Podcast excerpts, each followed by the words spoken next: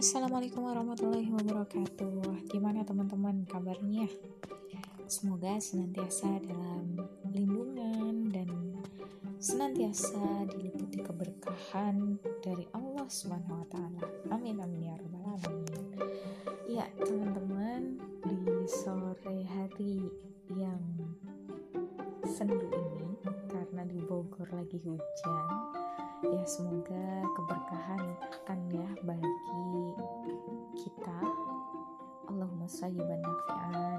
Semoga hujan yang turun ini membawa manfaat yang besar gitu ya bagi bagi manusia bagi alam dan bagi semuanya.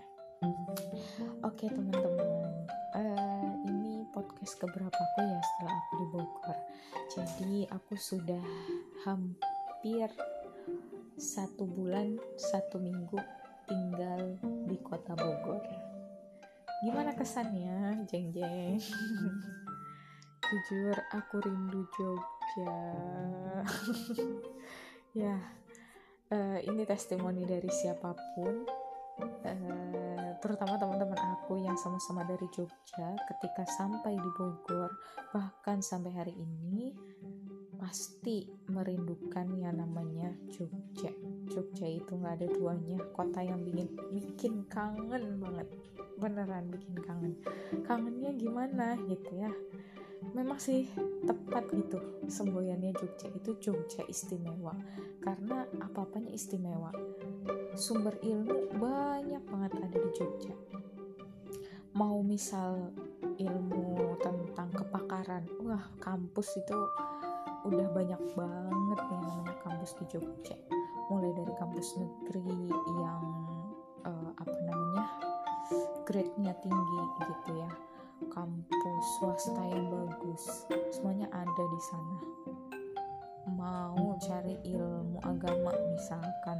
Mau belajar sirah mau belajar fikih mau belajar usul fikih mau belajar bahasa Arab mau belajar apa aja ada semuanya di sana dan semuanya mudah untuk dijangkau.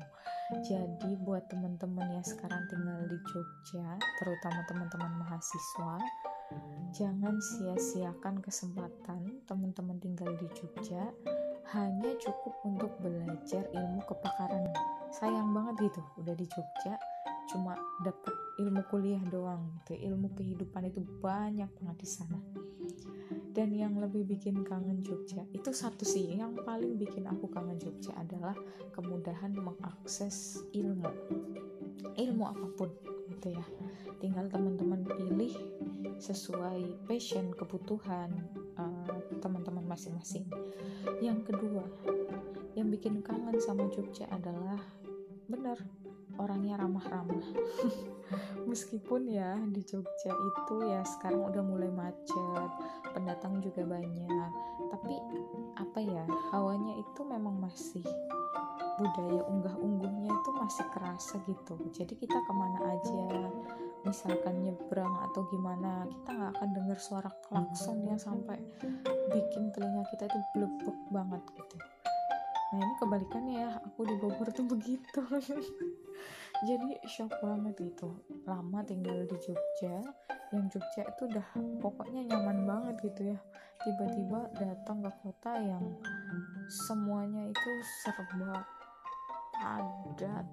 Meskipun Jogja itu kota tapi termasuknya itu secara kepadatan bangunannya nggak kayak di kota-kota gede lainnya gitu.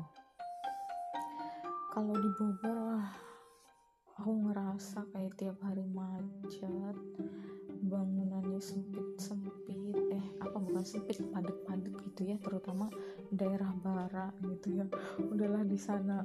Teman-teman pokoknya harus hati-hati ya yang nanti mungkin ada rencana kuliah di IPB gitu ya. Pilih-pilih makanan itu yang benar. Kenapa? Kemarin aku sempat keracunan.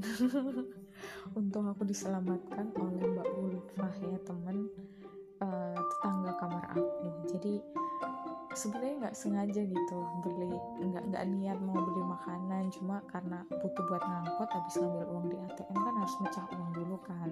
Akhirnya belilah jajan otak-otak gitu. Kira dia udah ngemil aja gitu ya eh habis maghrib kepala itu rasanya puyeng banget perut mual kayak udah pengen muntah gitu tapi nggak bisa keluar gitu.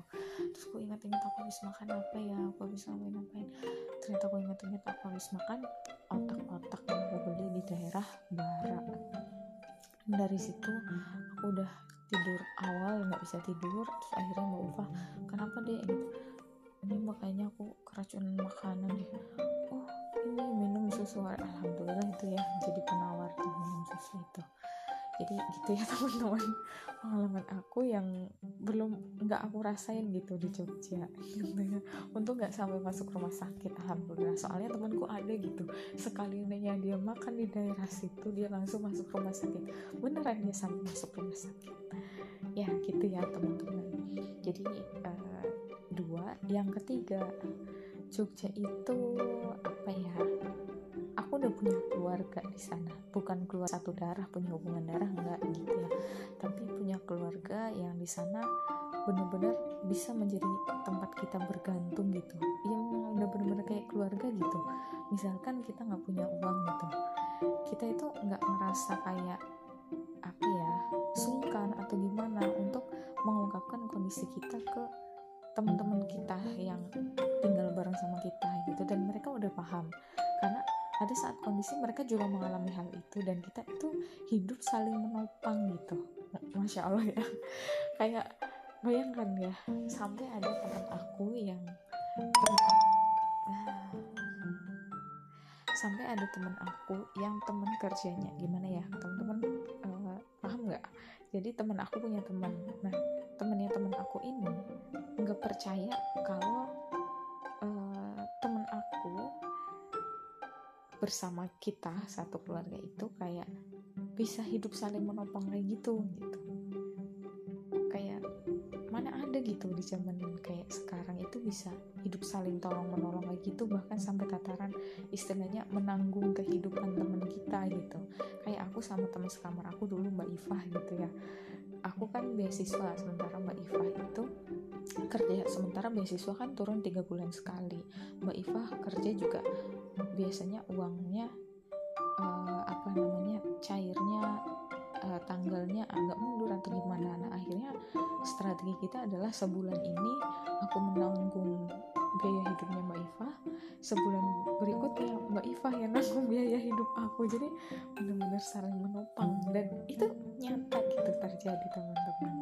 Nah kalau di Bogor sekarang ya aku alhamdulillah gitu ya ada Mbak Ulfa yang senantiasa sigap gitu ya nolong aku tahu aku belum makan langsung dek boleh makan ya? Aku pesenin di GoFood gitu atau Mbak Ulfa tiba-tiba masak udah dek ini makan apa? Gitu ya banyak banyak alhamdulillah.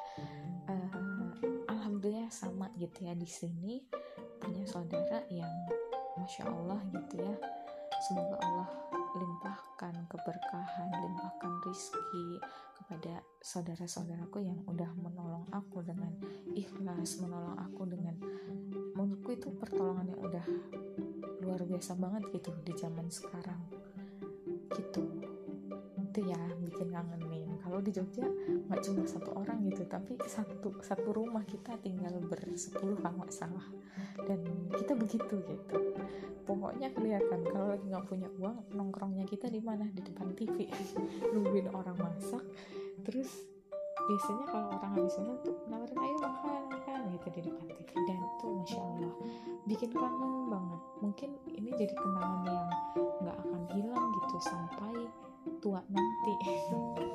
Ya sampai di sini aja aku masih merasa kayak mm, rumahku di sana. Aku belum belum move on 100% ke Bogor. Cuma yang harus aku garis bawahi adalah meskipun Jogja itu membuat aku nyaman Jogja itu pokoknya istimewa banget lah gitu. Tetapi aku harus bertanggung jawab gitu dengan pilihanku untuk lanjut studi di Bogor. Pilihanku untuk hidup di Bogor. Karena seperti podcast aku sebelum-sebelumnya aku katakan aku memilih nama Kobilah ya sebagai nama tauriah aku.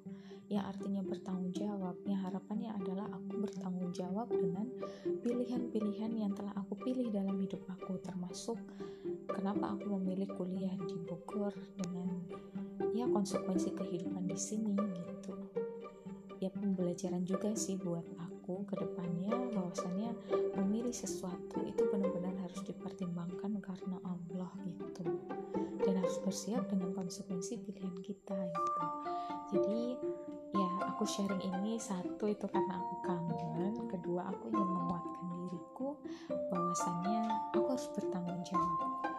Dan semoga uh, podcast ini bermanfaat buat teman-teman. Kalau ada teman-teman yang ingin sharing-sharing bareng aku bisa uh, eh, DM di Instagram aku at qabi cho kobicho kobicho. Q a b i c h o. Kobicho. Nanti bisa kita sharing-sharing lebih banyak lagi. Kalau nomor WA nanti lewat DM aja ya karena uh, aku nggak berani kasih nomor sembarangan. Oke gitu aja teman-teman. Wassalamualaikum warahmatullahi wabarakatuh